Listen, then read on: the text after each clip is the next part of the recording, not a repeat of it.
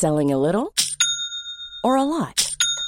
Shopify helps you do your thing however you cha-ching. Shopify is the global commerce platform that helps you sell at every stage of your business. From the launch your online shop stage to the first real life store stage, all the way to the did we just hit a million orders stage. Shopify is there to help you grow. Shopify helps you turn browsers into buyers with the internet's best converting checkout. 36% better on average compared to other leading commerce platforms because businesses that grow grow with Shopify. Get a $1 per month trial period at shopify.com/work. shopify.com/work. Mom deserves the best, and there's no better place to shop for Mother's Day than Whole Foods Market. They're your destination for unbeatable savings, from premium gifts to show-stopping flowers and irresistible desserts. Start by saving 33% with Prime on all body care and candles. Then get a 15-stem bunch of tulips for just $9.99 each with Prime. Round out Mom's menu with festive rosé, irresistible berry chantilly cake, and more special treats. Come celebrate Mother's Day at Whole Foods Market.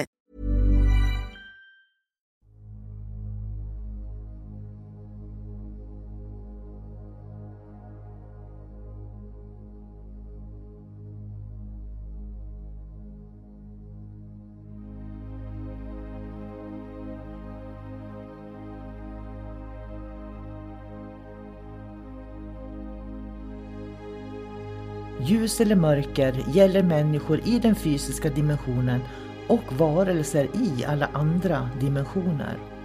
För att kunna se vad som är vad behöver vi människor vara öppna för både ljus och mörker. Det kräver mod och ett öppet sinne. Ljuset ger oss ljus, värme, kärlek, gemenskap, tillhörighet, vänskap och en massa vackra livsupplevelser. När vi talar om mörkret i podden så är det när vi människor upplever förvirring, kaos, hot, angrepp, manipulation, splittring som bidrar till att man känner sig ensam, isolerad och rädd. Att vara i sin egen kraft är att våga se verkligheten för vad den är och där göra medvetna val. Du kan bara kontrollera din värld, dina känslor, din livsupplevelse och det är att vara i sin egen kraft. Varmt välkommen till podden Kosmiska samtal.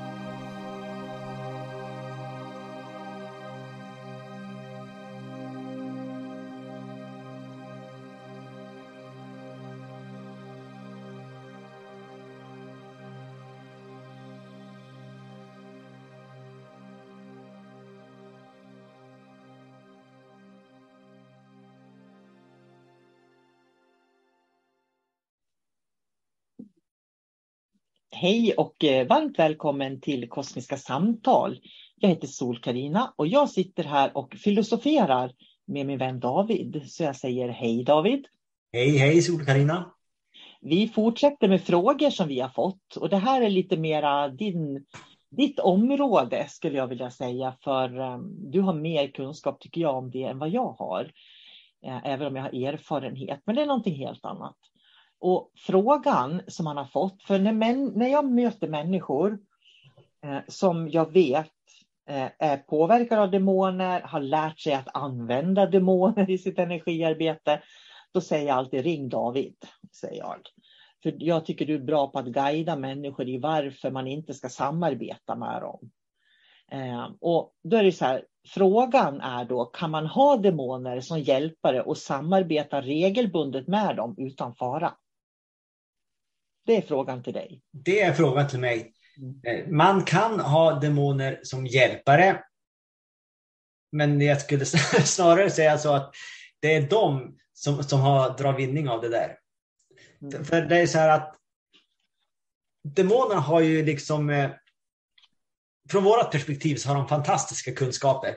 De kan ge dig god hälsa, de kan ge dig eh, framgång, de kan ge dig allt som du behöver. De kan ge dig healing också. Är du sjuk i kroppen så kan de göra dig frisk så att du mår bra.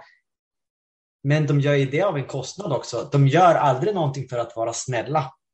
För att man måste förstå att de kommer från en dimension som är styrd av egot.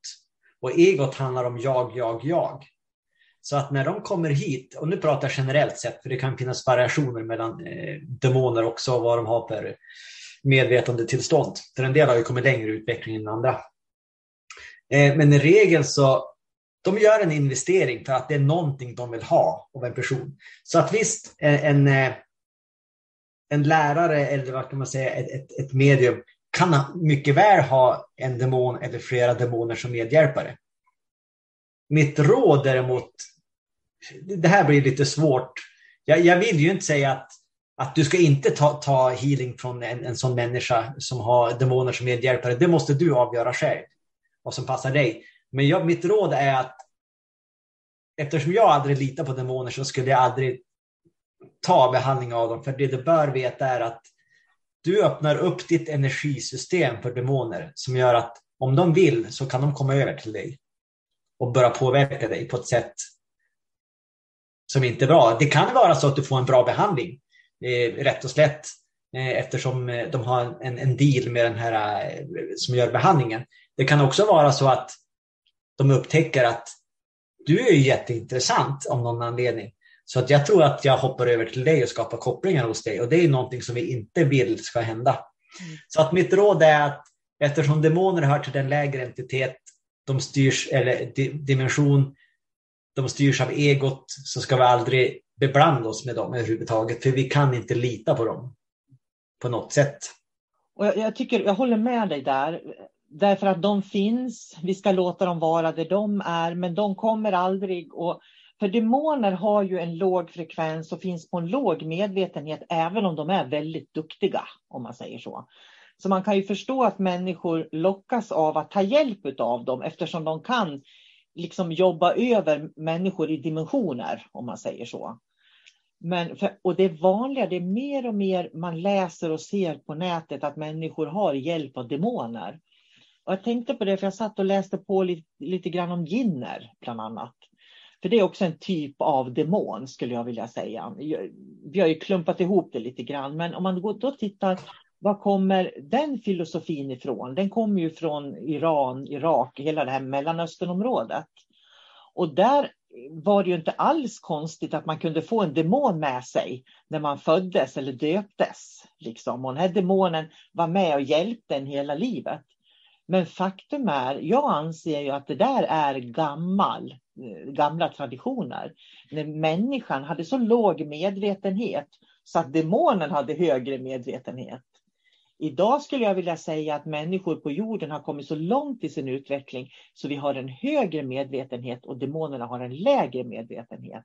Det har liksom blivit ett skifte där, tror jag. Och människor som samarbetar med demoner kan omöjligt i min värld samarbeta med ljusvarelser också. Därför att du kan inte, och det är min fullständiga övertygelse, eh, samarbeta med bägge delarna. Utan då är det, om, om du har minsta lilla tro att du kan samarbeta med demoner, då har du noll samarbete med ljusvarelser. För då har demonerna inbillat dig att du har det, men det har du inte.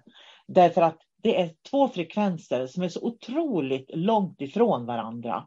Så att det går inte att vara i de bägge frekvenserna samtidigt. Det är verkligen antingen eller, skulle jag vilja säga. Ja, det är ljus eller mörker. Man kan inte ha dag och natt samtidigt. Nej, det, det är ungefär så skulle man kunna säga det också. I tre ord som du alltid gör.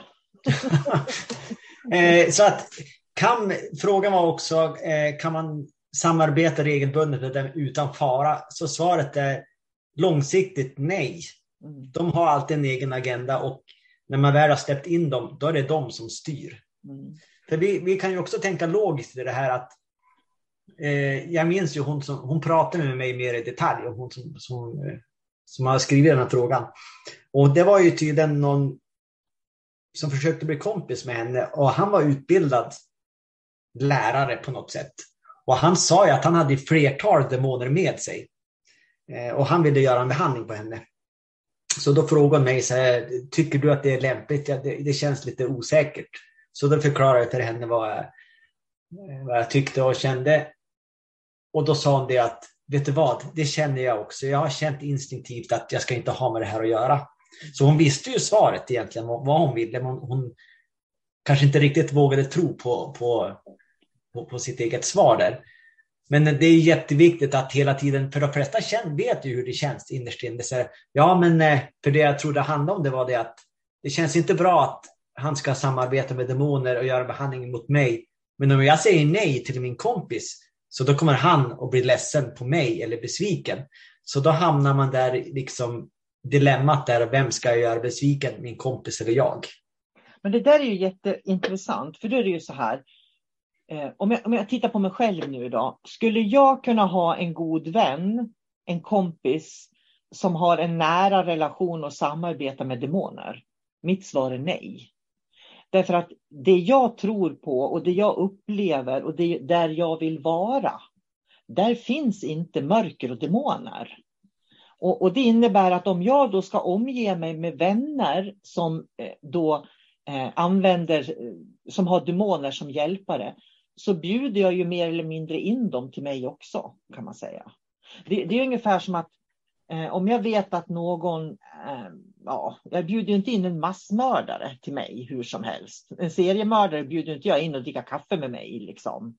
Nej, han skulle egentligen kunna vara jättetrevlig och föra sig bra. Ja, men jag väljer kanske att inte umgås med honom eftersom man, han är oberäknelig då, till exempel.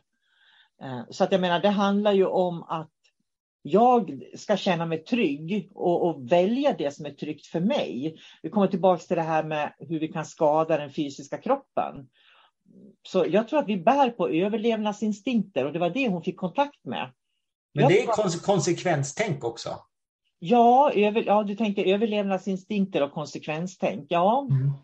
För att om hon har en känsla av att det här är inte bra, men samtidigt vill man inte missa någonting som är bra. Vi är så typiskt människor också.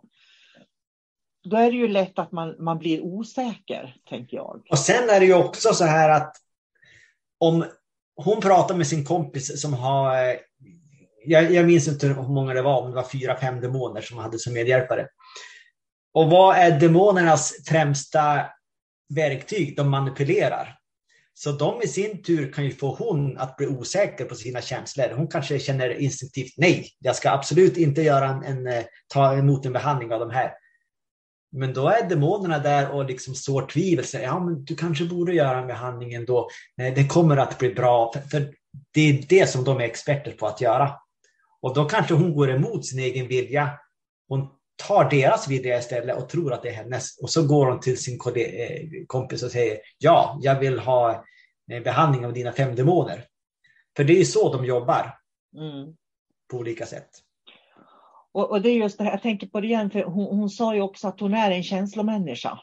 Och det är ju så typiskt, det är ju känslomänniskor som blir eh, påverkade. För är du ingen känslomänniska så kan du inte heller bli påverkad genom känslor. Nej, men det, det, är det här som är det fina. För det är många som säger att jag är en känslomänniska, det är sån jag är. Ja, men nu ska vi vända det här till det positiva. Vad betyder känslomänniska? Det betyder att du är jättebra på att ta emot information. För det är så det är. Du kan läsa om människor, situationer, allting. Men eftersom du tar dem personligt så kan du inte hantera det. Så det enda du behöver finjustera det är ju att avgöra var kommer känslorna ifrån. Och då har du ett jättekraftfullt verktyg. Så att justera om lite grann där så har du något fantastiskt. Du har en riktig gåva där. För en känslomänniska kan ibland eh, tala om sig själv som att man är ett offer. Jag klarar inte av det här omvärlden. Jag klarar inte av... Jo, men du, du kan ju någonting fantastiskt. Du är jättebra på att läsa av, jättebra på att ta emot information. Gör det till, till ta, ta inte känslorna personligt och du kommer att ha ett fantastiskt redskap. Men det är ju det där som är klarkännande, tänker jag. För att när, när världen öppnar upp som den gör nu, det är ju många som är högsensitiva och som är verkliga känslomänniskor. Och det är ju för att de inte kan separera känslorna de upplever från det som är sant om dem själva. Eh, så att det är ju många människor som behöver lära sig att hantera sina känslor. Och, och, jag tror att man ska vara väldigt medveten om det. Att det här med att jag inte är mina känslor, men jag upplever mina känslor. För är man det så är man också, har man också lättare för att känna in och tänka liksom, vad är bra för mig? Och vad blir ja. jag? Jag gav ju tipset en gång till en människa att, att öva på det där att eh, inte vara sina känslor. För då sa jag det att du kanske gillar att se på eh, spännande deckarserier på tv. Då kan du göra så att när du sitter där och det är som mest spännande, då kan ju du bara zooma ut och så kan du känna, säga till dig själv att jag känner spänning. Eh, var kommer spänningen ifrån? Den kommer från filmen. Men jag kan välja att ställa mig utanför och då känner jag ingen spänning längre. Eh, så hon fick öva på det där. Men då ringde hon upp mig någon vecka senare och så sa hon att jag hade förstört hennes tv-tittande. För nu var det inte spännande längre. Nej, och det är ju så. Du får ju inga draman i livet. Alltså det är det här som, du, när man lär sig skillnaden på det här så försvinner ju draman ur livet också. Det är det som är så kul tycker jag. Jag tänker på, jag skulle ju gå skriva kurser, jag vill prata om det på någon podd. Eh, och på skrivarkurserna, jag har gått på två stycken i sommar. Två, och där handlar det om att skapa draman i relationer mellan karaktärer. Och jag satt där på den kursen och tänkte, men herregud, vad gör jag här? Här har jag övat 30 år på att inte vara i draman och plötsligt så ska man gå in och skapa draman i de här berättelserna. Så eh, jag, då, det var ju då jag kände, jag kommer aldrig att skriva romaner för att jag tänker inte återuppta några gamla draman. Jag har ju jättemycket erfarenhet av draman. Jag skulle säkert kunna skriva jättemycket sådana här eh, dramaböcker liksom med känslor och så. Men då gör jag det så går jag ju in i de känslorna samtidigt. Jag blir de känslorna, jag lever de känslorna. Så att det är ju viktigt att förstå det här att okej, okay, jag kanske inte kan se på vad som helst på tv längre. Jag kanske inte kan läsa en roman längre därför att. Eh, därför att jag kan separera det här nu. Och det här är så intressant för det är ju här det medvetna livet kommer. För varför läser vi romaner om andras knepiga relationer. Liksom. Det är ju för att vi söker och lära oss någonting. Varför sitter vi och tittar på, jag tror Camilla Läckberg hade gjort någon, nu någonting som heter Lyckoviken som är en massa såna här relationsdraman. Liksom. Varför tittar människor på det och det programmet blir intressant? Jo, det är för att man får bearbeta sina egna draman, känslor som är obearbetat när man tittar på det här. Men när man har lärt sig att om man har bearbetat sina tjänster, då är programmet jättetråkigt. Fullständigt ointressant. Du vill inte läsa en roman, du kan inte titta på serier hur som helst, utan du söker liksom ja, du söker inte den här sensationen på något vis. Jag skulle säga att man blir mer kräsen också. Eh, om jag pratar för egen del så jag vill lägga fokus på det jag är nyfiken om. Så jag kan ju uppskatta att se en eh, jättebra dokumentär till exempel. Det gör jag hellre än att, det kan jag göra om jag sitter själv hemma. Då kan jag se en jättespännande dokumentär och så lär jag mig någonting. Men om jag till exempel skulle vara med två kompisar. Ja, då kanske man ser en actionfilm istället. Och säger, ja, men den, den var ju bra och sådär, men eh, jag lärde mig ju ingenting. Jag har ju sett tusen actionfilmer förut. Så att, men när man rent själv, då, då, ser man ju det man vill se och det är liksom ett, ett riktmärke att det är det här som är intressant egentligen. Och då kommer jag tillbaka till det här lite grann. Kan man samarbeta regelbundet med demoner och, och som hjälpare utan fara? Jag, jag, tror att när vi kommer till en viss medvetenhet i livet, när vi har lärt oss vissa saker, då blir det ointressant. Man samarbetar helt enkelt inte med dem. Nej. Det finns, finns ingen anledning, det finns bara allt att förlora det tillför ingenting. Liksom. Precis som det tillför ingenting att läsa en roman för mig längre. Det tillför, olika saker vi upplever tillför ingenting därför att det är liksom bara draman och känslor. Och jag vill inte plaska omkring i det havet. Jag vill liksom ha, vara i lugn och ro och stillhet nu, om man säger så. Eh, hon har en till fråga då. Kan entiteterna samarbeta och kommunicera? Och kan de låta som en guide? Och då tänker jag så här, eh, här har man ju då specifikt att det är entiteter, det är demoner och så är det guider. Man kan ju också säga att allting är guider. Alla från varelser från olika dimensioner är ju guider egentligen. ja. Och då måste man ju fråga, ja svaret är ju det att eh, eh, ja definitivt är svaret på frågan. De kan samarbeta, kommunicera och det kan låta som en guide. Sen är det också den stora frågan, en guide. Jag tror att det är så att de flesta människor förknippar guide med någonting positivt. Jag skulle säga att nej, nej, nej, nej, nej. så jag slår med pekpinnen lite grann. Det behöver absolut inte vara så. En guide, om vi översätter det till ett språk som alla förstår, en vägvisare. Och det beror ju vilken agenda vägvisaren har. Mm. Varför visar de vägen? Och de kanske lurar oss till eh, en bakgata där de ska råna oss till exempel. Det är ju ingen bra vägvisare. Så att man måste vara kräsen med vilka guider man har runt omkring sig också. Och guider som har, ju lägre medvetenhet de har, desto mer ego har de och desto större chans är det att man blir missledd också.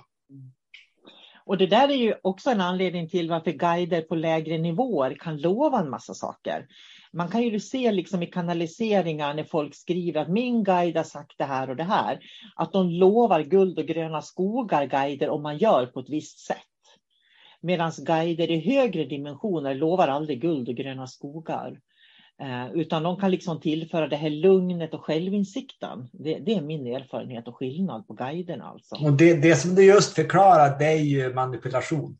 Mm. Som de gör. De vill få en viss känslostämning och de vill få en att ändra sin livsväg. Gör det bara så här och så här. Så då kommer du att få det här, då kommer du att få den här bonusen i slutändan. Den här glittrande guldpåsen till exempel. Och det, det får ju en människa att ändra sin, eh, sin livsväg många gånger. Mm. Så, så att, och eh, frågan var också, kan de samarbeta? Och jag skulle även säga att entiteterna, om vi nu pratar om demoner i det här fallet, eh, personerna som har bjudit in demonerna i sitt energisystem, de har också ett samarbete. Ofta så har de eh, kommit överens om någonting inledningsvis. Man, man har ingått ett, något typ av löfte eller förbund. Det är inte helt ovanligt. Eh, då kan jag säga att jag har jobbat med en klient som eh, har gått en demonkurs. Han hoppade av för han tyckte att det var, kändes inte bra i slutet, så han hann ju inte göra de här sista riterna då man liksom skulle skaffa sin egen husdemon. Mm. Då skulle man alltså göra ett sånt här avtal sinsemellan. Och det här var ganska intressant. Det är hemskt. Det är hemskt. Ja, det var precis det här jag pratade om som man i den gamla världen gjorde avtal med jinner och demoner för att man ska kunna leva sida vid sida och få ett bra liv. Så gjorde man avtal med dem. Ja, för det som hände det var att han hade ju gått, eh, jag vet inte hur länge han hade gått, men han hade övat lite grann hemma på att dra fram vissa olika demoner. Han hade ju sina skyddscirklar och eh, jag tror att han hade fått någon specifik demon också med ett specifikt namn som han skulle frammana och jobba med. Men i alla fall någonstans där på, på, i kursen så då kom han fram till att det här var inte min grej. Det kändes inte bra. Det var ett snedsteg. Så att eh, han hoppade av det där då. Men han hade det lite problematiskt hemma för han hade ju de här entiteterna som jobbar runt honom på olika sätt. Och jag, eh, jag gjorde olika behandlingar på han och jag fick kontakt med de här demonerna också. Och känslan jag fick det var från deras sida var två demoner. Att det var besvikelse, det var förväntningar för att de hade blivit snuvade på någonting. De hade blivit snuvade på det här avtalet. Eh, så, så de ville att han skulle gå klart den där kursen. För att det var så det var menat. De hade offrat massor med energi på han då. Eh, och kommit fram, till exempel när, när han frammanade dem så hade de varit där och jobbat med han och hans ego för att det var meningen att de skulle sluta avtal, men han gjorde aldrig det här eh, slutgiltiga. Så att eh, det tycker jag var ganska intressant när man tittar på det på det sättet, för det, det är precis så det fungerar. Ja, och han går ju den esoteriska utbildningen nu, så att han kommer ju få, han har ju redan börjat få, misstänka den större förståelsen. Ja, han bytte ju sida helt. Ja, och det jag tror räddade honom, det var faktiskt att han hade gått reiki före han gick den här demonutbildningen. För hade han inte haft reiki med sig och haft så bra erfarenheter av reiki, då hade inte han haft skillnaden på ljus och mörker på något sätt. Så att jag tror att det, det var också väldigt viktigt i sammanhanget att han hade någon sorts grund där eh, till reiki. Ja, för han förklarar ju också att den här kursen var ju egentligen väldigt egobetonad. För när man går eh, dina kurser till exempel, så då fokuserar man på ljuset, det är vidtänk, Eh, man är utan polariteter. Men när man gick demonkursen, då handlar det om, om jag som individ. Vad kan jag tjäna på? Jag ska ha en husdemon för eh, personlig, för att då ska den servera mig och jag ska få eh, vad det är jag vill ha. Det är pengar eller det är ära. Eller, så att allting handlar om egot, egot, egot på de här tunga kurserna. Och så, det är bara intressant nu, för nu, kan, nu pratar vi om kontraster. Mm. Eh, ljus och mörker igen. Och det här är liksom, från mitt perspektiv så är det här ett tydligt bevis på hur deras struktur fungerar. Och hade han slutit ett avtal med dem så hade det inte varit för hans bästa. Utan det hade varit för demonernas bästa. De hade kunnat ge honom ett, ett relativt bra liv på många olika sätt. Eh, för att de får komma igenom här, men i slutändan så hade han varit stor förlorare eller alla människor runt omkring han hade varit stora förlorare. Vi vet ju inte vad som står i, slut, alltså i, i kontrakten heller. Det kan ju vara så att han har ett jättebra liv, men hans eh, efterkommande, hans barn, barnbarn, de kanske blir ägda av de här demonerna i hundratals år. Ja, han säljer, han säljer sina avkommor. Liksom. Eller sin, sin själ, så kan det vara. Ja. Ja, det, jag tycker det är intressant för att jag tänker på det här med att göra det här valet, att välja bort de här avtalen som man kan ha med lägre entiteter. Det är ju ganska tufft för de kan ju ge mycket glamour om man säger så, som försvinner när man gör de avtalen. Och jag tänker på en annan kvinna i, i våran bransch som är väldigt hon, hon själv gör egentligen inga behandlingar, men hon har byggt upp en väldigt stor eh, rörelse i det här nyandliga Sverige. Och hon kommer ju från, eh, hon har ju bott på barnhem och kommer från en mamma som var schizofren. Och det tycker jag är jätteintressant och idag så jobbar hon med andlighet själv då på något vis. Och då tänker jag på det här med att sälja sin själ lite grann. För det här är ju en av de här eh, mediumerna som sitter med eh, ja, förstorade läppar och stora ögonfransar och, och champagneglas och rör sig liksom i de fina kretsarna då om man säger så. Och jag tänker liksom på vad det har kostat för att komma dit. För när jag tittar på vad det kostar, det jag ser att det kostar, så kostar det kunskap hos människan.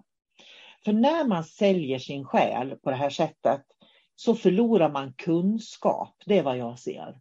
Eh, så att eh, om man liksom ska, och det är ju det som, som är, jag tänker på, vi pratade i någon tidigare podd här också när man gjorde tv-produktioner till exempel, hur det ska vara på ett visst sätt och så där. Eller om det är en andlig tidning eller om någonting så finns det liksom förhållningsregler till hur man får bete sig och vad man får säga. För annars säljer man inte tillräckligt många lösnummer. Och så är det ju i hela den här spådomsvärlden och horoskopvärlden också, att det finns regler hela tiden. Och det är det här jag menar med att man kan ärva saker. Eh, för jag tror att det här låter jättekonstigt, men när jag tittar på den här kvinnan så kan jag se hur det går i arv, saker och ting eh, på något vis. Jag kan se flera generationer tillbaka. Precis som du säger att hennes förfäder har sålt saker, hon säljer saker och hon får sitta på en piedestal för det. Men hon har ingen kunskap, hon är fullständigt beroende av den uppmärksamhet hon får av människor runt omkring henne. Men då kan man ju säga så här också att hon är ett redskap då? Ja, det har hon ju blivit. På många av någon anledning. Och det är så intressant vad, för jag tänker, jag tänker på kan det vara så att det finns förbund eller avtal i det förflutna som gör att man eh, faktiskt jag tänker på om hennes förfäder kan ha ingått avtal. Nu är jag ute och seglar jättemycket. Nej, du är inte ute och seglar, men fortsätt. Ja, nej, för det jag tänkte på, det är en sak som hände på 70-talet som jag var med om. För det var, då var vi på semester med min familj och han som jag blev gift med senare då, han var med och vi var bara tonåringar. Och vi var på semester och så var vi uppe i Messaure. Uppe i Messaure har man byggt en jättedamm eh, mot Luleälven då. Eh, och där har man byggt upp ett helt samhälle och min pappa jobbade där då på, i Messaure på eh, Mom deserves the best, and there's no better place to shop for Mother's Day than Whole Foods Market. They're your destination for unbeatable savings, from premium gifts to show-stopping flowers and irresistible desserts. Start by saving 33% with Prime on all body care and candles. Then get a 15-stem bunch of tulips for just $9.99 each with Prime. Round out Mom's menu with festive rosé, irresistible berry chantilly cake, and more special treats. Come celebrate Mother's Day at Whole Foods Market. Wow! Nice. Yeah! What you're hearing are the sounds of people everywhere putting on Bombas socks, underwear, and t-shirts made from absurdly soft materials that feel like plush clouds. Yeah, that plush. And the best part? For every item you purchase, Bombas donates another to someone facing homelessness.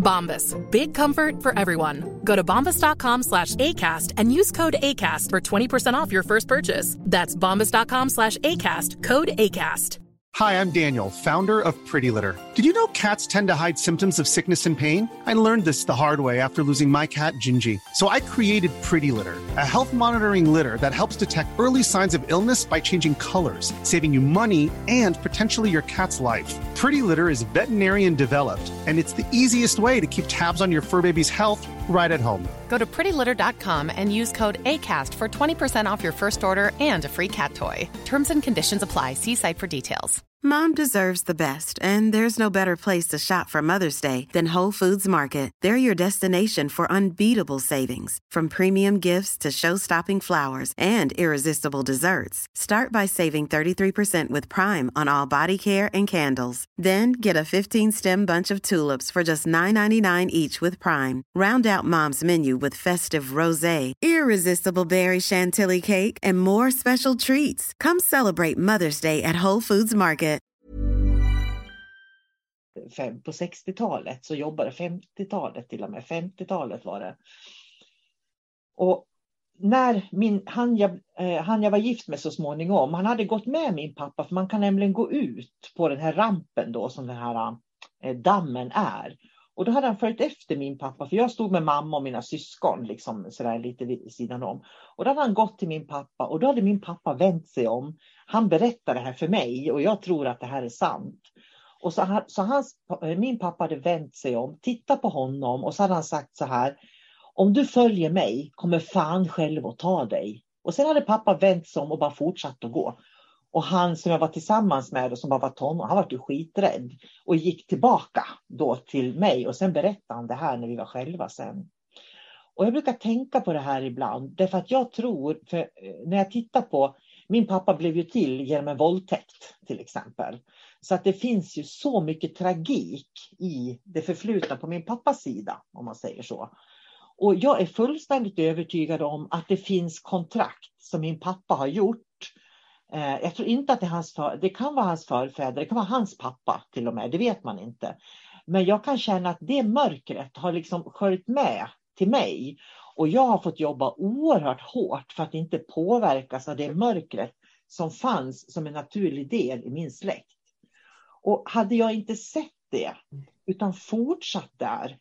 För han jag var gift med, han var så här, hus, bil, husvagn. Så du vet att när han, bestämde, när han köpte den fjärde bilen till vårat åtta eh, rumshus, vi hade en jättevilla och husvagn och allt du kan tänka dig. Och e egna företagare var vi också. När han köpte den fjärde bilen, då var det någonting i mig som sa, det här stämmer inte. Någonting är väldigt fel här. Därför att det var precis som att vi fick en massa, förstår du, eh, materialistiska saker. Och jag tror att det kommer av eh, gammalt. För han hade också påverkan från något mörker från sitt förflutna från sin pappa. Det vet jag bestämt. Men om man föreställer sig att eh, en människa har varit med om något jobbigt och det är så pass jobbigt att man inte riktigt kan hantera det och då kommer det en kraft till den som säger att jag kan ta din smärta ifrån dig. Eh, och jag kommer att ge dig det här, liksom, eh, de här framgångarna och dylikt. Men det räcker med att jag, jag finns här för dig, jag, jag kan bära din börda. Då är det nog ganska många som nappar på det. Och där och då kan man skriva kontrakt. Ja, och jag tror att det här var väldigt vanligt förr i tiden jag tror att som spiritualisterna tror jag har de här kontrakten. Jag tror att de här kontrakten fanns förr i världen innan och jag tror att mycket ligger i 2012. För 2012 så hade vi ett skifte och det här skiftet har med, med hur, hur, hur vi ligger till i Vintergatan.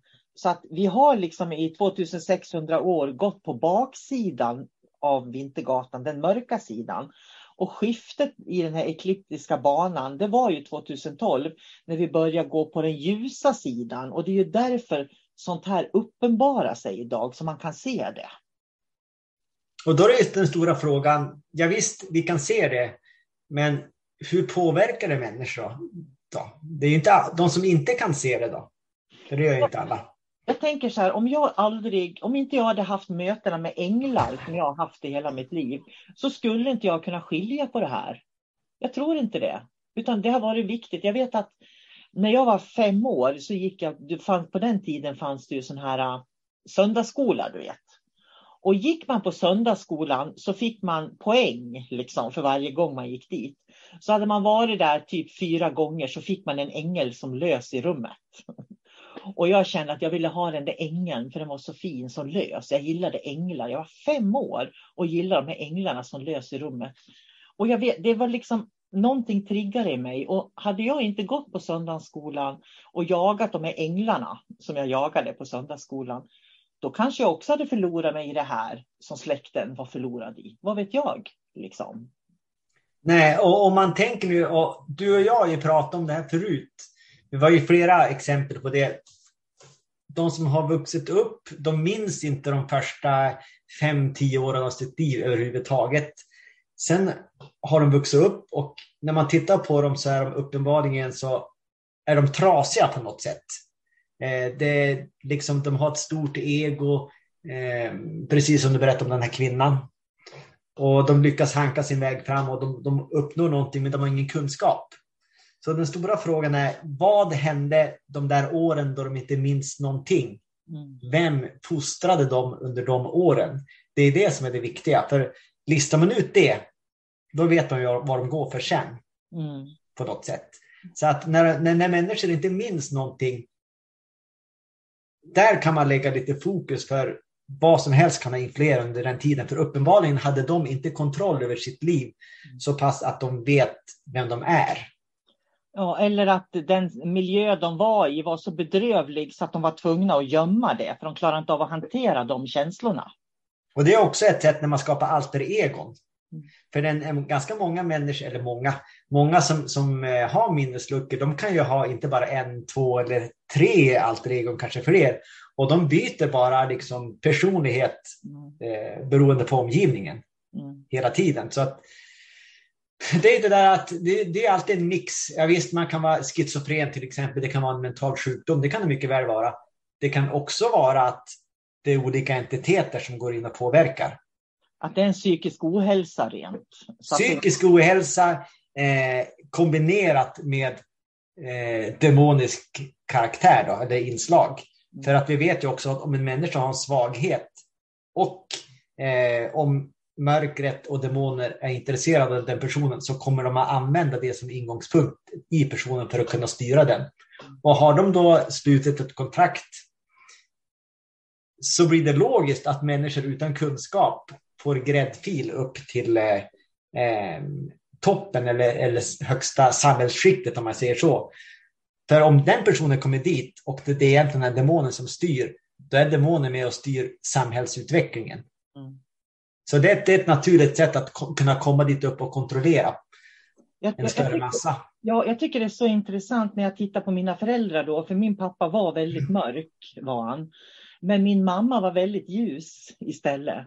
Och det var min mamma som, och det, det, det, slog mig nu, det har inte jag ens tänkt på förut, för min mamma hon sa alltid, kunskap är aldrig tungt att bära, sa hon.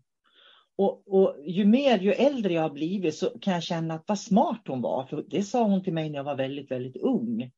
Så att mamma uppmunt, har ju uppmuntrat mig att söka kunskap på något sätt. Eftersom hon sa att kunskap är inte är tungt att bära. Det finns ju perioder i mitt liv när jag tycker det har varit tungt att veta massa saker. Liksom, eh, som man inte kan förklara för omvärlden eller för de runt omkring. Men det viktigaste på något vis är ju att jag själv vet. Att, det jag, att jag känner mig trygg med att jag vet eh, hur det ligger till, om man säger så. Så att jag, jag, tänker på, det är bara sånt där också som slog mig nu. Jag har ju verkligen uppfostrats av en demon och en ängel. man skulle kunna säga det. Ja, och tack vare ditt, ditt sätt att hantera det mm. så har ju du fått tillgång till himmel och helvete och allting däremellan. Så att du ser ju verkligheten för vad den är. Och jag hade du bara fått äng, ängla, eh, en ängeluppväxt, då hade du bara sett änglar och så hade du tappat eh, 50 procent av verkligheten. Hade du vuxit upp med demonerna så hade du tappat allt ljus. Nu har du liksom fått den här uh, välsignelsen att se allt för vad det är. Ja, lite grann så. Och det var verkligen ett uppvaknande i den här podden att kunna se det. För att jag har inte tänkt på det i det perspektivet, men jag har grubblat mycket på hur kommer det sig att jag ser både ljus och mörker? Jo, det är för att min, mina föräldrar var en sammanslutning av ljus och mörker tillsammans. Det, det var så det var.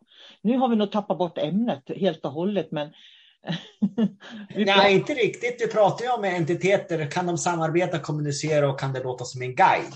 Ja, och, och, ehm, och då, där skulle jag vilja backa tillbaka och säga att det finns om man ser guide som kunskap, till exempel, att varje guide har en kunskap och kunskapen har en vibration. Och vibra varje overheadblad har en ny guide, så att säga. Så, kan, så finns det naturligtvis många guider och de kan säkert samarbeta med varandra också. Min, min erfarenhet, eh, nu pratar du specifikt guider, men om man pratar mörker till exempel, eh, eller demoner, så de fungerar Dels så finns det demoner på, på individnivå eh, som, som, kan jobba med en människa. Sen finns det ju också demoner som kollektiv, alltså mörker som kollektiv. Så det är klart att om eh, man har en demon i, i en person och så har man en demon i en annan person längre bort och så har man en tredje eh, människa med en demon i. Alla de tre demonerna kan ju kommunicera med varandra och så flytta oss människor som spelpjäser. Mm. Så att mörkret är, eh, det har låg medvetenhet men det kan vara otroligt intelligent eftersom de vet hur de ska styra oss människor och de har ett slutresultat som de vill uppnå. Så de är envisa och intelligenta på det sättet. Och det slog mig en annan sak nu, för att när man ser demoner, det är ju sällan man ser dem i grupp, utan man ser dem ju en och en. De kommer ofta en och en. Jag vet att jag berättade om det här diskoteket när jag var liten. Där fanns det ju flera stycken. Jag tror det var tre eller fyra stycken. Fyra var det när jag brukar se inne i det rummet. Men om jag tänker på de gånger jag har mött dem så kommer de ju sällan i klump eller i grupp. Men tittar man på ljusvarelser, min erfarenhet när jag möter ljusvarelser, det är oftast att det är flera stycken. Och det är ganska intressant, för det har inte jag heller reflekterat så djupt över förut, men så är det faktiskt. Ja, det blir inte säkert något, något samband i det hela, någonting som är viktigt. Ja, att, de, att det blir också väldigt symboliskt för att det inte finns någon egoism eller självupptagenhet när man är flera i grupp som samarbetar mot när man är en och en, tänker jag. Jag, jag gillar ju att, att, att uh, utvidga sinnet och, och, tänka lite, lite större här. Så jag vill skapa en bild nu. Mm. Om vi pratar om guider. För det är många som tänker att demoner är en hemsk varelse, sen tänker de inte längre. Men om vi går ner till demonernas rike och så föds det ett litet demonbarn. Och det här demonbarnet eh, växer upp, för de har också en, liksom en kurva, de, de är nya och så blir de äldre och äldre. Den behöver ju någon lärare, de behöver någon, någon större som, som lär dem hur, det är, hur de ska äta, hur de ska behandla dem runt omkring och hur de ska gå sin väg till upplysning. Så de kommer att ha en guide på ett eller annat sätt under sin fostran. Och det kommer att finnas demoner som har kommit ganska långt i utvecklingen som man kan tänka som att det är en mentor eller en lärarroll. Så att det är väl självklart att vi människor också kan ha en demon som guide om vi väljer det. Mm. För de kan ju lära oss saker som vi inte vet. De kan berätta saker för oss. De är duktiga på det. Så att om man bara liksom gör demonerna mer mänskliga så blir det mer logiskt allting. Mm. Våga tänka tanken att de är inte så annorlunda oss egentligen. Det som är skillnaden är att de drivs av ett stort ego. Annars är det inte så mycket mer. De, de har större tillgång. De kan ju se de här uh, oss människor på ett helt, från ett helt annat perspektiv, ett annat plan. Så att, eh, så att de kan ju använda den kunskapen. då. Men annars är de inte så olika oss. Mm. De har en kropp, de har eh, de föds, de, de växer upp, de, blir, de dör, de blir väldigt gamla dock, men de dör till slut efter uppskattningsvis tusen år eller mer. Eh, de, de hinner få väldigt mycket kunskap. Men de är inte så olika oss människor i grund och botten. Det är bara det att de har, de har en annan, eh, de är från en annan dimension. Mm. De har en, en, en, lägre medvetenhet. That's it, för de hör ju till den här jorden egentligen. Mm. Så vi skriver vår demonbok. De är inga utomjordingar. Mm. De hör till den här dimensionen. Och det är ju därför människor, när människan var på en lägre medvetenhetsnivå, det är ju därför de kunde samarbeta med dem. Det är därför de fick med sig, när de föddes fick de med sig sin privata personliga demon liksom. Eh, I, i Mellanöstern och i de här asiatiska länderna. Därför att man hade ett samarbete. Så istället för att bråka med dem så samarbetar man med dem. Eh, och det kan man ju se i tempel i de här länderna. För att på, ut, det, på utsidan av templen, det är där man ser bilder på demonerna. Och det är ju för att de ska få tro att de får vara med. Men de vet inte om att det finns mycket ljusare, finare saker om du går in i själva templet. För de är så nöjda med att bli matade på utsidan som de blir hela tiden. Och det. det är väldigt signifikant. För när jag var i Bali, jag, liksom, jag frågade den här taxichauffören, varför matar ni de här demonerna för? Jo, men då får de uppmärksamhet och då mår de jättebra. Sen kan vi gå in i templet och få vara i fred, sa han. Och det är liksom så signifikant för hur de fungerar. Det, det är ungefär som i såna här äh, skämtfilmer när de ska råna någon stor herrgård eller någonting och så kom det rusandes äh, aggressiva kamphundar. Då tar de fram en, så här, äh, en köttbit, en varmkorv och kastar till hunden. Så då är, ja. blir de upptagna med att äta det så kan de gå in och ja, samma sak. råna stället. Det är så det fungerar i templen. Så jag, ibland brukar jag fundera, undra om, om vi har haft det i Sverige någon gång. Jag tänker i, om du kommer till, när det är såna här, inte kyrkor, vad heter eh, Notre Dame är ju en sån, vad heter mm. det? Jag tappar ordet. Åh, eh, oh, jag har det på tungan. Men du vet vad jag menar, Notre Dame. Så. Tittar man i såna här, ah, det är inte kyrka utan det är någonting, åh, oh, fasiken. Ja, ja, men du menar de, de har såna här Ja, de har ju såna djävuls, djävulsfigurer på utsidan. Ja. Så kommer du till Notre Dame och alla de här stora då, eh, jättekyrkorna, men du får kalla det för det, fast det heter något annat som jag glömt just nu. Så sitter du djävulsfigurer på utsidan, samma grej. Att de matar mörkret och, och, från utsidan. Sen kan de gå in till ljuset och få vara i fred där inne för, för de är så nöjda på utsidan. Alltså, vi har ju kontrasterna där också. Vi har ju ljus och mörker. Alltså, om man tittar på religionerna nu för tiden så tycks man ju vänt på det så att det bara är ljus. Och det är ingen balans heller. Jag förstår att man vill vara i ljuset. Men för att vara i ljuset så måste man förstå att det finns den här motpolen. Mm. Annars så, så, det värsta som kan hända, det är att man tror att man är i ljuset.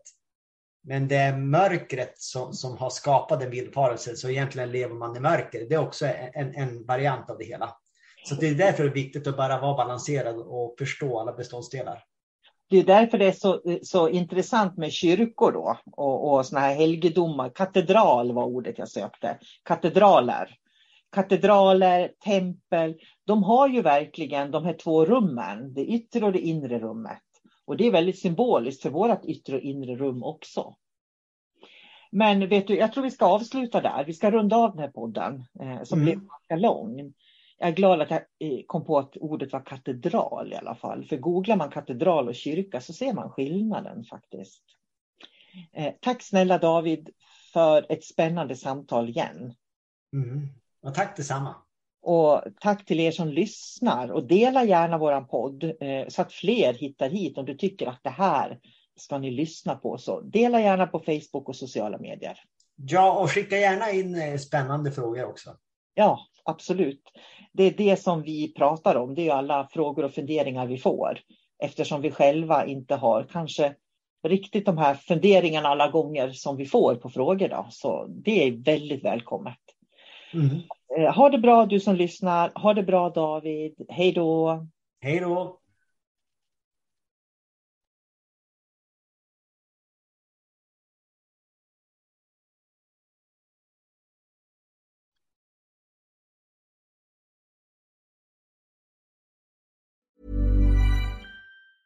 Normally, being a little extra might be a bit much, but not when it comes to healthcare. That's why United Healthcare's Health Protector Guard fixed indemnity insurance plans, underwritten by Golden Rule Insurance Company, supplement your primary plan so you manage out of pocket costs. Learn more at uh1.com. Normally, being a little extra can be a bit much, but when it comes to healthcare, it pays to be extra.